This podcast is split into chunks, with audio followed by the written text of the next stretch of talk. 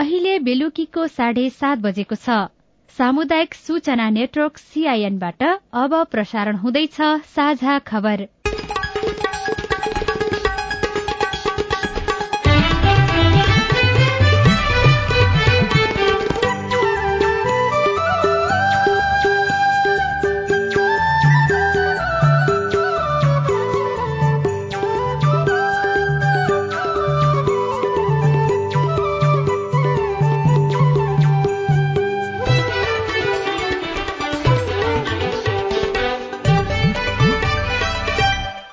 सीआईएनको साझा खबरबाट लील प्रकाश चन्दको नमस्कार। साझा खबर देशभरिका सामुदायिक रेडियो सीआईएन खबर डट कम सीआईएनको फेसबुक पेज र मोबाइल एप सीआईएनबाट सुन्न सकिन्छ।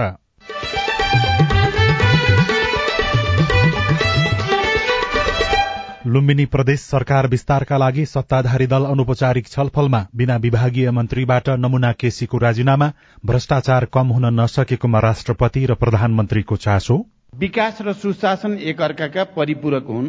नागरिकको हित अभिवृद्धि र सुशासन कायम गर्न भ्रष्टाचार नियन्त्रण अपरिहार्य हुन्छ। अति विशिष्ट व्यक्तिको सवारी व्यवस्थापनमा ध्यान दिनुपर्ने बारे बहस सतहमा चिकित्सकमाथि प्रहरीको दुर्व्यवहार विरूद्ध भोलि देशभर आकस्मिक बाहेक सेवा प्रभावित हुने अत्यावश्यक सेवा ठप्प पार्न मिल्छ। भोलि तपाईँलाई मलाई नै हार्ट एट्याक भएको र हामी चाहिँ हस्पिटल जाँदाखेरि त्यो जाममा पऱ्यो भने तपाईँ र म मर्छौँ। तपाईँ म सुत्केरी अवस्थामा हाम्रो कोही घरबाट मान्छे लिएर गएको छैन बाटोमा सुत्केरी हुने अवस्था आउँछ त्यो त आम साधारणको प्रब्लम हो नि त। बागमती प्रदेशको सार्वजनिक विदा काठमाडौँ उपत्यकामा लागू नहुने स्वीकृत दरबन्दी अनुसार मात्रै कर्मचारी खटाउन सरकारको निर्देशन स्थानीय तहको समावेशी नारा पूर्ण कार्यान्वयनमा समस्या। खास सय त्रिपन्नवटा स्थानीयता छन्। कोही स्थानीयता तपाईँको त्यसैमा धेरै पोख्ता पनि छन् होइन? राम्रो अभ्यास पनि गरिराखेका छन्। भनौँ न अब कोही चाहिँ अलिकति छन् पछाडि छन् अब सबै ठाउँमा पुग्न पनि सकिँदैन। र युरोपका मुलुकहरू दादुराको जोखिममा प्रधान सेनापति खुल्ला म्याराथनको उपाधि आर्मीका राजन रोखायालाई।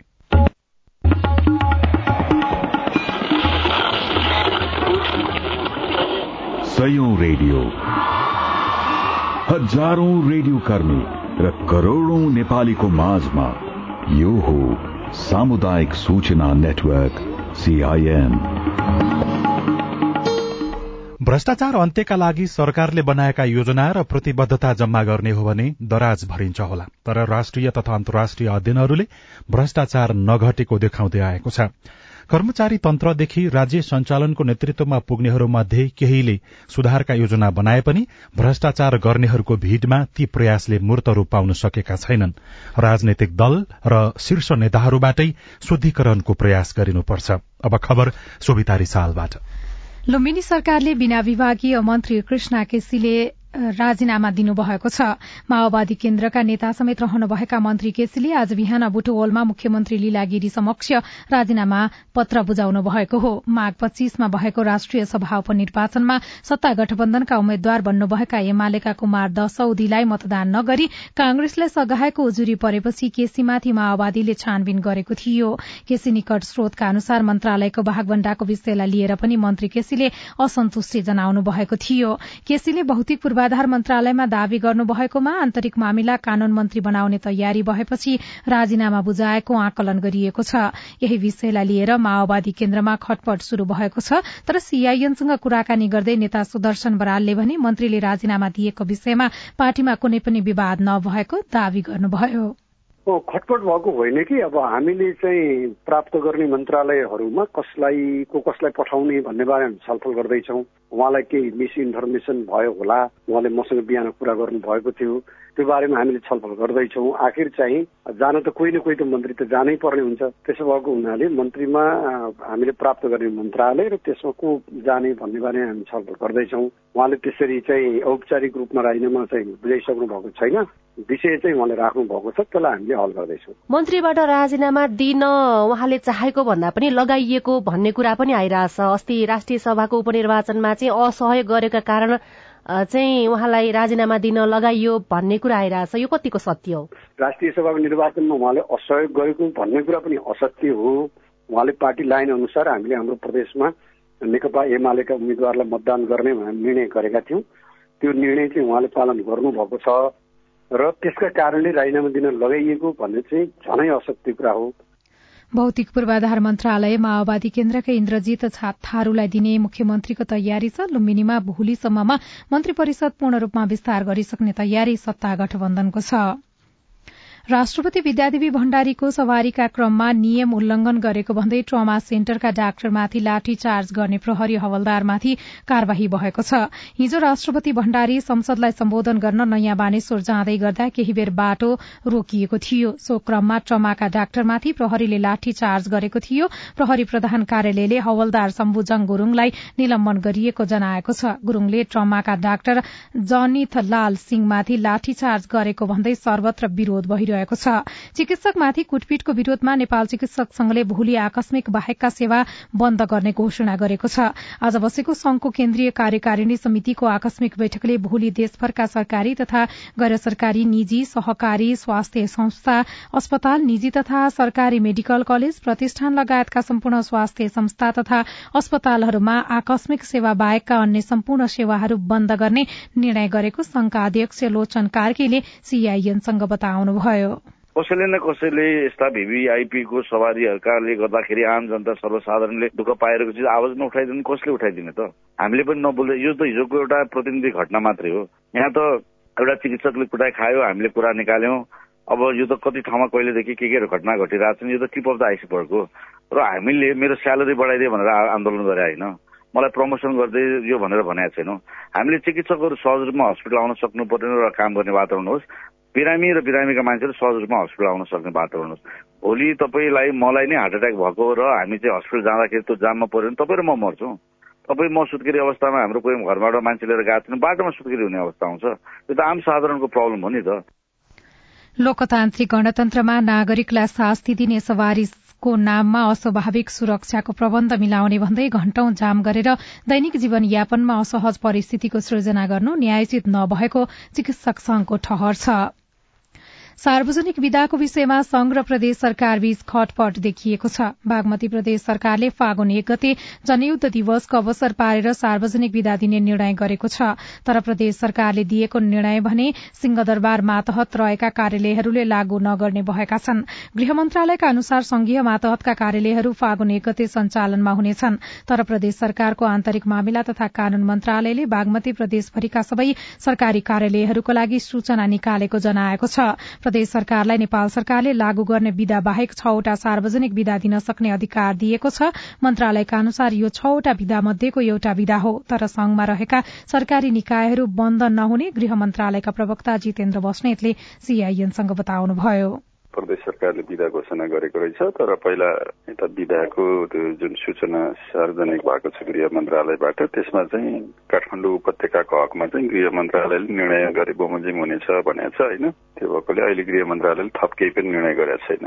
आजको मितिसम्म विदा दिने भयो भने गृह मन्त्रालयले छुट्टै निर्णय आउँछ गृहको तर्फबाट होइन? तर्फबाट भन्दा नेपाल सरकार निर्णय गर्नुपर्छ त्यो। तर अहिलेसम्म खासै केही छैन। गृह मन्त्रालयले निर्णय गरेर कुनै सूचना सार्वजनिक भएन भने कार्यालय सञ्चालन हुन्छन् त्यो दिन। भ्यालीको चाहिँ। संघीय कार्यालयहरू बन्द नभए पनि स्थानीय तहहरू भने प्रदेश सरकारको निर्णय अनुसार बन्द हुने संघीय मामिला तथा सामान्य प्रशासन मन्त्रालयले जनाएको छ। यसैबीच संघीय मामिला तथा सामान्य प्रशासन मन्त्रालयले मन्त्रालयले स्वीकृति दरबन्दी अनुसार मात्रै कर्मचारी खटाउने व्यवस्था मिलाउन निर्देशन दिएको छ। निजामती कर्मचारी प्रशासनभित्र सुधार ल्याउनका लागि यस्तो निर्देशन दिएको मन्त्रालयले जनाएको छ। वरिष्ठतम कर्मचारीलाई जिम्मेवारी विहीन बनाउने तर आफ्नो अनुकूलका कर्मचारीलाई शक्तिका भरमा खटाउने परम्पराले कर्मचारी प्रशासनभित्र विकृति देखिएको ठहर गर्दै मन्त्रालयले स्वीकृति दरबन्दी अनुसार मात्रै कर्मचारी खटाउने व्यवस्था मिलाउन सबै मन्त्रालय आयोग र सचिवालयलाई पत्राचार गरेको छ। अख्तियार दुरूपयोग अनुसन्धान आयोगले कही कतै भ्रष्टाचार भएको थाहा पाए तुरून्तै उजुरी गर्न आग्रह गरेको छ। अख्तियार दुरूपयोग अनुसन्धान आयोगका प्रमुख आयुक्त प्रेम कुमार राईले सार्वजनिक पद धारण गरेका व्यक्तिले भ्रष्टाचार गरी अख्तियारको दुरूपयोग गरेको थाहा पाए जोसुकैले उजुरी गर्न सक्ने बताउनुभयो। आज आयोगले काठमाण्डुको टंगाल स्थित केन्द्रीय कार्यालयमा गरेको कार्यक्रममा आयोगका पदाधिकारीले भ्रष्टाचारको जालो मिलेर फाल्नुपर्ने धारणा राखे। आयोगको बत्तीसौं स्थापना दिवसको अवसरमा आयोजित कार्यक्रमलाई सम्बोधन गर्दै राष्ट्रपति विद्यादेवी भण्डारीले सबै एक नभएसम्म भ्रष्टाचार अन्त्य हुन नसक्ने बताउनुभयो। कार्यक्रममा प्रधानमन्त्री पुष्पकमल दाहाल प्रचण्डले भ्रष्टाचार विरूद्ध वर्तमान सरकार हदैसम्म निर्मम हुने बताउनुभयो। विकास र सुशासन एकअर्काका परिपूरक भएको भन्दै उहाँले नागरिकको हित अभिवृद्धि र सुशासन कायम गर्न भ्रष्टाचार नियन्त्रण अपरिहार्य हुने बताउनुभयो। विकास र सुशासन एकअर्काका परिपूरक हुन्। नागरिकको हित अभिवृद्धि र सुशासन कायम गर्न भ्रष्टाचार नियन्त्रण अपरिहार्य हुन्छ। नेपाल सरकारको नीतिगत प्राथमिकता तथा न्यूनतम कार्यक्रममा अख्तियार दुरूपयोग अनुसन्धान आयोग जस्ता भ्रष्टाचार नियन्त्रणमा संलग्न निकायलाई कानून जनशक्ति स्रोत र साधन सहित अधिकार सम्पन्न बनाई भ्रष्टाचार नियन्त्रण र सदाचार प्रत्याभूत गर्न एवं भ्रष्टाचार र अख्तियार दुरूपयोगसँग जोडिएका विषयको छानबिन र अनुसन्धान गरी कुनै पनि कालखण्डमा भएका भ्रष्टाचार र जो कोही भ्रष्टाचारीमाथि कानूनी कार्यवाही अगाडि बढाउने प्रतिबद्धता वर्तमान सरकारले गरेको कुरा म यहाँ विशेष रूपले स्मरण गर्न चाहन्छु। उहाँले भ्रष्टाचार मुक्त र सदाचारयुक्त समाज निर्माण गर्ने उद्देश्यका साथ संविधानले आयोगलाई प्रदान गरेको जिम्मेवारी कुशलतापूर्वक निर्वाह गर्ने सवालमा आयोगलाई सरकारले सहयोग गर्ने बताउनुभयो।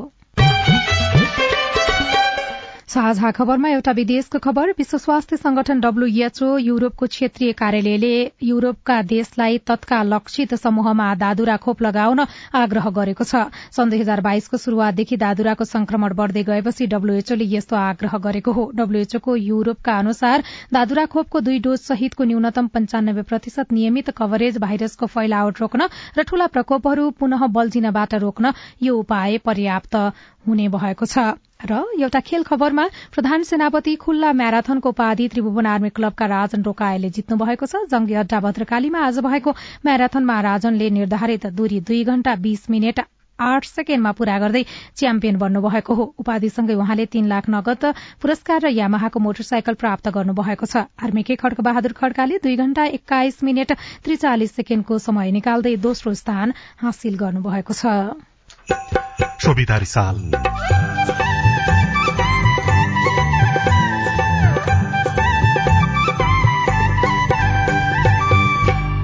सुदूरपश्चिम प्रदेश सरकारको बजेट खर्च कमजोर देखिनुको कारण?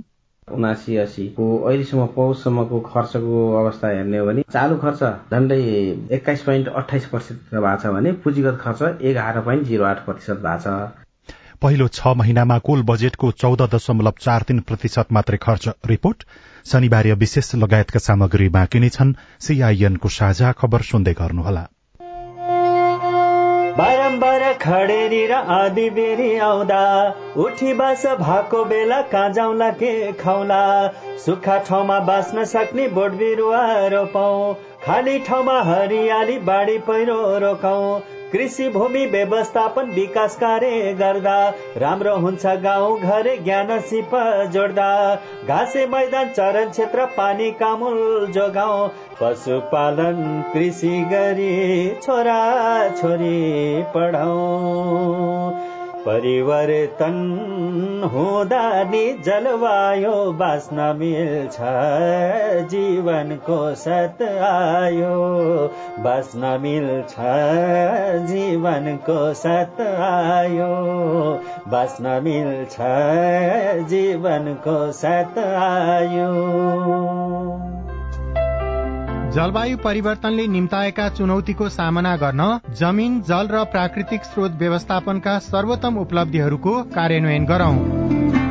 पारिस्थितिकीय प्रणालीमा आधारित अनुकूलन आयोजना जलवायु परिवर्तन तथा व्यवस्थापन महाशाखा वन तथा वातावरण मन्त्रालय र सीआईएन। सामाजिक रूपान्तरणका लागि यो हो सामुदायिक सूचना नेटवर्क सीआईएन। तपाई सामुदायिक सूचना नेटवर्क सीआईएनले तयार पारेको साझा खबर सुन्दै हुनुहुन्छ। सर्वोच्च अदालतले वैशाख तीसमा भएको स्थानीय तहको निर्वाचनमा भाग लिए पनि खर्च विवरण नबुझाउने एक लाख तेइस हजार भन्दा बढ़ी उम्मेद्वारलाई जरिवाना गरेको प्रति निर्वाचन आयोगलाई कारण देखाउ आदेश दिएको छ। न्यायाधीश विश्वम्बर प्रसाद श्रेष्ठको एकल इजलासले निर्वाचन आयोगलाई कारण देखाउ आदेश हिजो जारी गरेको सर्वोच्च अदालतले जनाएको छ। उम्मेद्वारहरूले निर्वाचनमा गरेको खर्च विवरण समय सीमाभित्र बुझाउन उठाउन नसक्दा आयोगले एकतीस भदौमा हदैसम्म जरिवाना र निर्णय भएकै मितिदेखि लागू हुने गरी छ वर्षसम्म निर्वाचनमा भाग लिनबाट वञ्चित हुने गरी रोक लगाएको थियो। स्थानीय तहले ल्याउने नीति तथा कार्यक्रम अनुसार बजेट निर्माण नहुँदा समावेशी सिद्धान्त कार्यान्वयन प्रभावकारी हुन नसकेको पाइएको छ। संघीय मामिला तथा सामान्य प्रशासन मन्त्रालयका अनुसार स्थानीय तहले नीति तथा कार्यक्रममा समावेशी सिद्धान्त अनुसार नै विषयवस्तु समावेश गर्दै आएका छन् तर थोरै बजेट भएका कारण कार्यान्वयनमा अझै सुधार गर्नुपर्ने देखिएको बारेमा जनप्रतिनिधि तथा पालिकाहरूलाई भन्दै आएको छ। मुलुकभरका सात सय त्रिपन्न मध्ये केही स्थानीय तहले भने राम्रो अभ्यास गरेको मन्त्रालयका उपसचिव तथा सामाजिक समावेशीकरण तथा सामाजिक सुरक्षा शाखाका प्रमुख दशरथ राम ओडले सीआईएनसँग बताउनुभयो। चालू आर्थिक वर्षमा सुदूरपश्चिम प्रदेश सरकारको बजेट खर्च न्यून देखिएको छ। प्रदेश सरकारले आर्थिक वर्षको पहिलो छ महिनामा कुल बजेटको चौध दशमलव चार तीन प्रतिशत मात्रै खर्च गर्न सकेको छ। अघिल्लो आर्थिक वर्षमा छैसठी दशमलव छ एक प्रतिशत बजेट खर्च गरेको सुदूरपश्चिम प्रदेश सरकारले आर्थिक वर्ष दुई हजार उनासी अस्सीका लागि छत्तीस अर्ब तेत्तीस करोड़ उनानब्बे लाख पैंतिस हजार रूपियाँ बराबर बजेट विनियोजन गरेको थियो। त्यसमध्ये पुष मसान्तसम्म पाँच अर्ब चौबिस करोड़ तेइस लाख मात्र खर्च भएको छ। पुँजीगत अर्थात विकासतर्फ विनियोजन भएको छब्बीस अर्ब छत्तीस करोड़ उनासाठी लाख मध्ये छ महिनामा एघार दशमलव जिरो आठ प्रतिशत मात्र खर्च भएको छ। प्रदेश लेखा नियन्त्रक वासुदेव जोशी। आर्थिक वर्ष उनासी अस्सीको अहिलेसम्म पौषसम्मको खर्चको अवस्था हेर्ने हो भने चालु खर्च झण्डै एक्काइस पोइन्ट अठाइस प्रतिशत भएको छ भने पुँजीगत खर्च एघार पोइन्ट जिरो आठ प्रतिशत भएको छ। र समग्रमा चाहिँ हाम्रो प्रदेशको खर्चको अवस्था हेर्ने हो भने चौध पोइन्ट पचपन्न प्रतिशत हुन आउँछ। सबैभन्दा बढ़ी अठार अर्ब पच्चीस करोड़ एकानब्बे लाख बजेट पाएको भौतिक पूर्वाधार विकास मन्त्रालयको प्रगति न्यून देखिँदा त्यसको असर कुल बजेट खर्चमा परेको छ। मन्त्रालय अन्तर्गतका अधिकांश योजना कार्यान्वयनमा नगएको र कार्यान्वयन भएका योजनाको गति सुस्त छ। प्रदेश आर्थिक मामिला तथा योजना मन्त्रालयका सचिव रामबन्धु सुवेदी बजेट खर्च नहुनुमा कानूनी प्रक्रिया संस्थागत कमजोरीलाई औल्याउनुहुन्छ। कानून बमोजिम समयमै खरिद गर्ने कुराहरू समयमा कार्यान्वयन गर्ने विषयहरू ती कुरालाई ध्यान नदिने संस्थागत कमजोरी भनौँ त्यसको लागि चाहिँ बजेट कार्यान्वयन गर्ने माइक्रो विषयहरू छन् नि। त्यो खरिदको कुराहरू खरिद डकुमेन्ट तयार गर्ने कुरा रेट तय गर्ने कुरा त्यसै गरी चाहिँ समयमै त्यो बजेटलाई अख्तियारी दिएर पठाउने विषय वर्षको अन्तसम्म चालू बजेट खर्च हुने र पुँजीगत बजेट फिर्ता जाने स्थिति यस वर्ष पनि दोहोरिने निश्चित देखिएको छ। प्रदेशको कार्यक्षमतामाथि प्रश्न उठिरहेका बेला बजेट नै खर्च गर्न नसक्नु झन चिन्ताको विषय हो भन्नुहुन्छ अर्थका जानकार शिवहरि मुठभरी। विडम्बना त के छ भने चालू खर्च सबै भइहाल्छ हन्ड्रेड पर्सेन्ट हुन्छ। विकास बजेट चाहिँ नि फर्केर जान्छ। र यसको असर कहाँ हुन्छ भन्नुहुन्छ भने ब्याङ्कहरूले जुन अहिले लिक्विडिटीको अभाव महसुस गरिरहेको छ यसमा यो पनि प्रमुख भूमिका यसको छ जस्तो मलाई लाग्छ। केन्द्रको राजनीतिक समीकरणको असर प्रदेशसम्म देखिँदा सरकारहरू बन्ने र भत्किने क्रम चलिरहन्छ। स्थायी सरकार नहुँदा पनि बजेट खर्चमा असर परेको विज्ञहरू बताउँछन्। अंकुश कुँवर सीआईएन रेडियो सुदूर सन्देश धनगढ़ी। साझा खबरमा अब हेलो सीआईएन अविनाश आचार्यबाट। नमस्कार म जनक विशेष शिवालय गाउँपालिका छ जाजरकोटदेखि शिवालय गाउँपालिका वडा नम्बर छ अन्तर्गत पर्ने देउराली प्राविमा छ सात महिना बितिसक्दा पनि विद्यालय व्यवस्थापन समिति गठन हुन सकेको छैन। जुन विद्यालय व्यवस्थापन समितिको प्रावधि योभन्दा छ महिना अगाडि नै सकिएको हो भने अब देउराली प्राविमा विद्यालय व्यवस्थापन समिति बिना कर्मचारीको तलब खुवाउन सकिन्छ त? यो विषयबारे हामीले शिवालय गाउँपालिकाको शिक्षा युवा तथा खेलकुद शाखाका प्रमुख मान बहादुर बस्नेतलाई जानकारी गराएका छौं। हामीले चाहिँ शिवालय गाउँपालिका शिक्षा खेलकुद शाखाले सबै विद्यालयलाई संस्थागत सामुदायिक विद्यालयलाई सात दिनभित्र विद्यालय व्यवस्थापन समिति गठन गरी अविलम्ब कागजपत्र शिक्षा पेश गर्न भनेर हामीले परिपत्र गरेका छौँ। कहिलेदेखि सात दिनसम्म? हामीले एक साता अगाडि नै हामीले चाहिँ परिपत्र गरेका छौँ। कतिपय विद्यालयले चाहिँ ल्याउँदै हुनुहुन्छ कतिपय विद्यालयको आउने क्रममा छ। अब सो विद्यालयको विवरण के कस्तो भएको रहेछ हेक्टर पनि आज यतै आउनु भएको छ। म चाहिँ बुझेर यथाशीघ्र चाहिँ कार्यकारी बनाउनु भनेर निर्देशन दिन्छु सर मैले। राष्ट्रपतिको निर्वाचनलाई लिएर राजनैतिक वृत्तमा भइरहेको रस्साकस्सी बारे टिप्पणी गर्दै तनहुका एकजना श्रोता विपिन पोखरेलले सीआईएनको फेसबुक पेजमा एउटा सुझाव म्यासेज गर्नु भएको छ। उहाँ लेख्नुहुन्छ राष्ट्रपतिमा जो निर्वाचित भए पनि दलीय स्वार्थबाट टाढा रहेर काम गर्ने व्यक्ति हुनुपर्छ। नमस्कार म बजाङ जिल्ला थलरा गाउँपालिका नौबाट रामप्रसाद जोशी बोल्दैछु। राष्ट्रिय परिचय पत्र आफ्नो जिल्लाभन्दा बाहिर कार्यरत रहेका कर्मचारीहरूले यो परिचय पत्र लिनको लागि आफ्नो गृह जिल्लाबाट मात्रै लिन पाउँछ अथवा आफू कार्यरत रहेको जिल्ला प्रशासन कार्यालयबाट पनि लिन सकिन्छ र यो राष्ट्रिय परिचय पत्र लिनको लागि अनलाइनबाट पनि विवरणहरू पेश गरेर लिन सकिन्छ अथवा स्वयं व्यक्ति आफै जिल्ला प्रशासन कार्यालयमै जानु पर्दछ यसको बारेमा जानकारी गराइदिनु होला। धन्यवाद। तपाईँलाई यसबारे जानकारी गराइदिनका लागि हामीले राष्ट्रिय परिचय पत्र तथा पञ्जीकरण विभागका निर्देशक कृष्ण पौडेललाई भनेका छौं। तपाईँ ताप्लिङको मान्छेले दार्चुला गएर पनि भर्न सक्यो होइन? तर के चाहिँ सुनिश्चित हुनु पर्यो भने अब कार्ड प्राप्त गर्न लगभग एक वर्ष जति लाग्न सक्छ। तर कार्ड चाहिँ जहाँ भरेको हो त्यही स्टेसनमा जान्छ। ताप्लिङको मान्छे पाँच तर्फमा कुनै काम दार्चुलामा काम विशेषले गएको थियो त्यहाँ विवरण भर्यो। भने त्यहाँबाट विवरण भर्यो भने त्यो मान्छेको चाहिँ परिचय पत्र त्यहीँ चाहिँ तपाईँको दार्चुला नै जान्छ है। अब उहाँले सोध्नु भएको दोस्रो प्रश्न यी सबै विवरणहरू अनलाइनबाट भर्न सकिन्छ कि सकिन्न? सकिन्छ भने कसरी भन्नुभएको छ? मजाले प्रि इनरोलमेन्ट गर्नुपर्छ। तर व्यक्तिको बायोमेट्रिक लिनुपर्ने भएको हुनाले प्रि इनरोलमेन्ट गरिसकेपछि तोकेको समय र स्थानमा गएर जैविक विवरणहरू दिनुपर्छ। त्यसका लागि व्यक्ति स्वयं स्टेसनमा उपस्थित हुनुपर्छ। तपाईँ जुनसुकै बेला हाम्रो टेलिफोन नम्बर शून्य एक बान्न साठी छ चार छमा फोन गरेर आफ्नो प्रश्न जिज्ञासा गुनासा तथा प्रतिक्रिया रेकर्ड गर्न सक्नुहुन्छ। तपाई सामुदायिक सूचना नेटवर्क सीआईएनले काठमाण्डुमा तयार पारेको साझा खबर सुनिरहनु भएको छ। सिर्जना गरेर जीविकोपार्जनको सम्भावना अब कसै कसैले मैले चाहिँ गीतको यति लिएर म यसरी बाँचिरहेको छु अरू केही म कामै गर्दिनँ म गीतै लेखेर बाँचिरहेको छु भन्नुहुन्छ भने त्यो उहाँहरूले सक्नुभयो होला। गीतकारका अवसर बाध्यता र चुनौती शनिबार विशेष बाँकी नै छ। सीआईएनको साझा खबर सुन्दै गर्नुहोला। बाल विवाह विरूद्ध धर्मगुरूहरूको प्रतिबद्धता। वैदिक साहित्यमा बाल विवाह छैन। बाल विवाह हाम्रो मण्डली अन्तर्गत भएको छैन। हाम्रोमा बाल विवाह हुँदैन। यो मुद्दुमले भनेको कुरा हो र हाम्रो व्यवहारमा त्यस्तो नै छ। राधामिस गीता बाइबल कुरान वेद लगायतका सबै धर्मका ग्रन्थहरूले बाल विवाह गर्नुहुन्न भनेको भनेर धर्मगुरूले रेडियोबाट भनेको सधैँ सुन्ने गरिन्छ। तर किन बाल विवाह अन्त्य नभएको होला? हाम्रो नगरलाई बाल विवाह मुक्त गराउन अब के गर्ने होला? त्यो त हो नगर प्रमुख ज्यू। भनेर मात्रै पुग्दैन। सबै धर्मका धर्मगुरूहरूले म बाल विवाह गराउने काममा संलग्न हुन्न भनेर प्रतिबद्धता जनाउने र अरूलाई पनि त्यस्तै सिकाउने कार्य गर्न सके मात्रै त्यो कार्य प्रभावकारी हुन्छ। अनि बाल विवाह विरूद्ध काम गर्ने संघ संस्थाहरू र तपाईँहरू जस्ता स्थानीय सरकारले पनि धर्मगुरू र धार्मिक अगुवाहरूलाई यो अभियानमा सँगसँगै सहभागी गराएर अघि बढ़ाउन सके। बाल विवाह लगायतका हानिकारक परम्परागत अभ्यास अन्त्य गर्न सकिन्छ। हुन्छ राधा मिस म त्यसै गर्छु। ओल्ड भिजन इन्टरनेसनल नेपाल र अकुराब। सामाजिक रूपान्तरणका लागि यो हो सामुदायिक सूचना नेटवर्क सीआईएन तपाई सामुदायिक सूचना नेटवर्क सीआईएनले काठमाण्डुमा तयार पारेको साझा खबर सुन्दै हुनुहुन्छ। अब शनिबार विशेष। पछिल्लो केही वर्ष यताको अवस्था हेर्दा नेपाली साहित्य र संगीत व्यावसायिकताको बाटोमा देखिन्छ। साहित्यका हरेक विधामा नयाँ नयाँ लेखहरू आइरहेका छन्। लेखकहरू आइरहेका छन् तर गीत लेखनलाई नै व्यावसायिक बनाउने थोरै मात्र भेटिन्छन्। शब्द रचना आफैमा गहन भए पनि गीतको चर्चा हुन्छ तर गीतकार गुमनाम रहन्छन्। आजको शनिबार विशेषमा स्थापित हुने कोशिशमा रहेका एकजना गीतकारको चर्चा। मलाई सधैँ म नाम्लो तिमी बरियो जस्तो लाग्छ। मलाई सधैँ म नाम्लो तिमी बरियो जस्तो लाग्छ।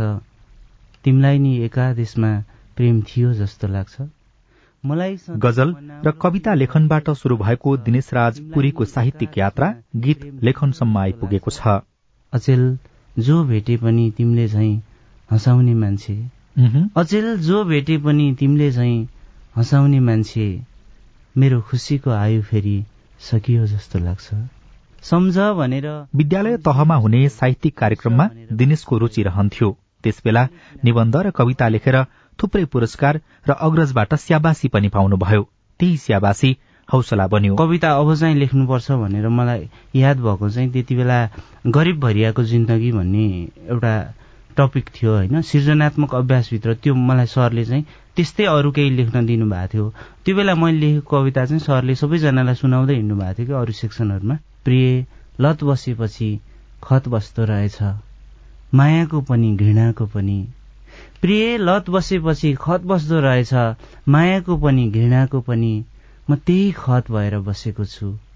आउ कोट्याइराख म हाम्रो प्रेमलाई अझै आलो बनाउन चाहन्छु। दुई हजार साठी सालतिर गजल लेखन युवा पुस्ताका लागि नौलो विधा थियो। दिनेशलाई त्यही नौलो विधा मन पर्यो अनि लेख्न थाल्नुभयो। त्यति बेला चाहिँ हाम्रो त्यहाँ भोला धरातल भन्ने सर हुनुहुन्थ्यो। अनि त्यसपछि उहाँको रहर चाहिँ यहाँ भएको जो हुनुहुन्छ उहाँहरूलाई चाहिँ इन्ट्रेस्टेड मान्छेलाई चाहिँ गजलतिर म केही गर्छु भन्ने उहाँको धारणा भएर उहाँले सिकाउँदै जानुभयो क्या यो गजल भने यस्तो हो यसलाई यसरी लेख्नुपर्छ भनेर सिकाउनु भयो अनि त्यसपछि हामी चाहिँ त्यो बेला अब बच्चा बेला भनौँ न अलि सानो बेला त्यतिखेर चाहिँ एकदमै रहर लाग्ने कि केही नयाँ साहित्यको केही आए पछाडि एकदमै राम्रोसँग गर्नुपर्छ भन्ने लाग्ने। अनि त्यसरी उहाँले सिकाउनु भएको नियममा रहेर चाहिँ हामीले प्र्याक्टिस गर्दै गयौँ। त्यसपछि अलि अलि अगाडि भएको हामी चाहिँ त्यतिखेर। दुई हजार बैसठी सालमा दिनेश उच्च शिक्षाका लागि रामेछापबाट काठमाडौँ आएपछि साथी संगत थपिए। साथीहरूले गजल लेखिरहने दिनेशलाई संग्रह निकाल्न सुझाए र सघाए पनि। दुई हजार छैसठी सालमा किताब निस्कियो धोकाको आगो। त्यति बेला आफ्नो नाम आयो भने अनि त्यसरी गर्न पाइयो भने चाहिँ किन गरे जस्तो त्यो त्यस्तो फिल हुने कि? त्यो भएर त्यति बेला छैसठी सालमा जानेर या नजानेर त्यति बेला चाहिँ एकदमै एकदमै धेरै रहर लागेर गरेको धोकाको आगो गजल सङ्ग्रह छैसठी सालमा। लेख्नेले तिमीलाई जिन्दगी मलाई याद लेखिदियो कि? तिमीले झैँ खुसीको बीच पन्ना नै च्यातिदियो कि? हुलाकीको रङको झोला देख्दा नि आश लाग्छ कतै बिर्सी जानेले पो बिर्सेर सम्झिदियो कि? गजल लेखनमा जमिरहेकै बेला दिनेशले फड्को हान्नुभयो गीत लेखनमा। त्यस यता गजलसँगको साइनो पहिले झै सुमधुर छैन। आफूले दिने जुन गजलभित्रको गजलको दम हुन्छ नि त्यो दम चाहिँ आफैलाई पनि अरूको सँग कम्पेयर गर्दा चाहिँ अलिक विक हो कि मेरो भन्ने जस्तो फिल भएर अब म यहाँ अल्झिरहनु ठिक छैन बरु गीततिर गएर केही गर्न सकिन्छ कि भनेर म उतातिर लागेको। प्राय लेखकहरूको अनुभूतिले भन्छ लेख्नु आफैमा सुन्दर कुरा हो। साहित्य सृजनाले स्वयं लेखकलाई आनन्द दिन्छ। दिनेश भन्नुहुन्छ लेखकलाई परिस्थिति परिवेश र घटनाक्रमले लेखनमा सघाउँछ। आउँदा कसले के लिएर आयो जाँदा के लिएर जान्छ? जिन्दगी दियोको बाती हो बल्दा बल्दै सकिएर जान्छ। एक दिन मुटुमा बसेकोले धोका दिँदैमा किन मर्छु भन्छौ? साथी एक दिन स्वयं मुटुले पनि तिमीलाई धोका दिएर जान्छ। कुनै घटना भएको सिचुएसन त्यस्तो छ भने त्यही सिचुएसनमा लेखिन्छ होइन? जस्तो यो यो अहिले मैले मुक्तक भने नि यो चाहिँ मान्छे म घाटमा गएको बेला लेखा हो कि नभन्दिनी मनको कुरा भन्न भन्दा पनि मेरो दिलको तिमी मेयर बन भन्दा पनि। तिम्रै नजिक सरेकी थिए मन दिमला भनेर हात समाई माया गर्छु भन्दिमला भनेर। चक्लेटी व्यावसायिक गीत लेखनमा व्यस्त दिनेशका बीस भन्दा बढी गीतहरू रेकर्ड भएका छन् तर उहाँ गीत लेखेरै बाँच्ने अवस्था देख्नुहुन्न। त्यति मात्रै होइन गीतकारलाई गरिने व्यवहार पनि चित्त बुझ्दो छैन। अब कसै कसैले मैले चाहिँ गीतको यति लिएर म यसरी बाँचिरहेको छु अरू केही म कामै गर्दिनँ गीतै लेखेर बाँचिरहेको छु भन्नुहुन्छ भने त्यो उहाँहरूले सक्नुभयो होला। तर मलाई अहिले मात्र होइन अझै केही समय अझै धेरै समय चाहिँ यसरी गीतै मात्र लेखेर मान्छे बाँच्दैन। सिर्जना गर्ने मान्छे जो पहिलो व्यक्ति हो उसको चाहिँ इन्टरभ्यूहरू पनि कम हुन्छ। तपाईँले करोड क्लबमा गएको गीतको सर्जक चाहिँ चिन्नु भएको हुन्न। कसले लेख्यो होला भन्दाखेरि मैले मेरो परिचय दिएँ भने म चाहिँ फलानु गीत लेख्ने मान्छे हो नि। अँ त्यो गीत त धेरै मैले सुनेको। त्यसरी परिचय दिँदै हिँड्नुपर्ने अवस्था छ कि? शब्द र लेखनलाई महत्व नदिएकै कारण नेपाली गीतको स्तर खस्किएको टिक्का टिप्पणी पनि संगीत बजारमा भइरहन्छ। त्यसमा दिनेश पनि सहमत हुनुहुन्छ। देख्दा संगीत व्यावसायिक देखिए पनि साहित्य विधा राम्रो हुँदै गएको उहाँको बुझाइ छ। साहित्यमा चाहिँ जस्तो अहिले यात्रामा मान्छे निस्किने अनि त्यसपछि एकल वाचनहरू बढी हुने त्यो चाहिँ अहिले धेरै नै भइरहेछ कि पछिल्लो समय। त्यो हुँदाखेरि चाहिँ पछिल्लो पुस्तालाई त्यो लेख्नको लागि एउटा उत्प्रेरणा पनि भयो। अर्को कुरा भनेको पारिश्रमिक लिएर जहाँनिर काम हुन्छ नि। त्यसमा चाहिँ अझै केही गर्नुपर्छ भन्ने उत्प्रेरणा हुन्छ मान्छेलाई। त्यो भएर साहित्य चाहिँ उता गजल कविताको विधा चाहिँ अलिकति यो गीतहरूको भन्दा अलिक अगाडि देख्छु म चाहिँ। प्रतिभा भएको लेखकले लेखेरै बाँच्न सक्ने वातावरण बनाउन सरकारदेखि सम्बन्धित क्षेत्रका सबै लाग्नुपर्ने उहाँ बताउनुहुन्छ। तर नेपाली संगीत बजारमा गीतकारलाई गरिने व्यावसायिक व्यवहार गतिलो नभएको दिनेशको अनुभूति छ। राजन रुचाल सीआईएन काठमाडौँ। लुम्बिनी प्रदेश सरकार विस्तारका लागि सत्ताधारी दलहरू अनौपचारिक छलफलमा जुटेका छन्। बिना विभागीय मन्त्रीबाट नमूना केसीले राजीनामा दिनुभएको छ।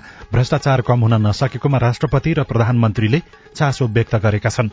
अति विशिष्ट व्यक्तिको सवारी व्यवस्थापनमा ध्यान दिनुपर्ने बारे फेरि बहस सतहमा आएको छ। चिकित्सकमाथि प्रहरीको दुर्व्यवहार विरूद्ध भोलि देशभर आकस्मिक बाहेका सेवा ठप्प पार्ने निर्णय चिकित्सक संघले गरेको छ। बागमती प्रदेशको सार्वजनिक विधा काठमाडौँ उपत्यकामा लागू नहुने भएको छ। स्वीकृत दरबन्दी अनुसार मात्रै कर्मचारी खटाउन सरकारले निर्देशन दिएको छ अनि प्रधान सेनापति खुला म्याराथनको उपाधि आर्मीका राजन रोकायले जित्नु भएको छ। हवस् त आजलाई साझा खबरको समय सकियो। प्राविधिक साथी सुनिल राज भारतलाई धन्यवाद। भोलि माघ उन्तिस गते बिहान छ बजेको साझा खबरमा फेरि भेटौँला। अहिलेलाई लील प्रकाश चन्द पनि विदा हुन्छु। नमस्कार शुभरात्री।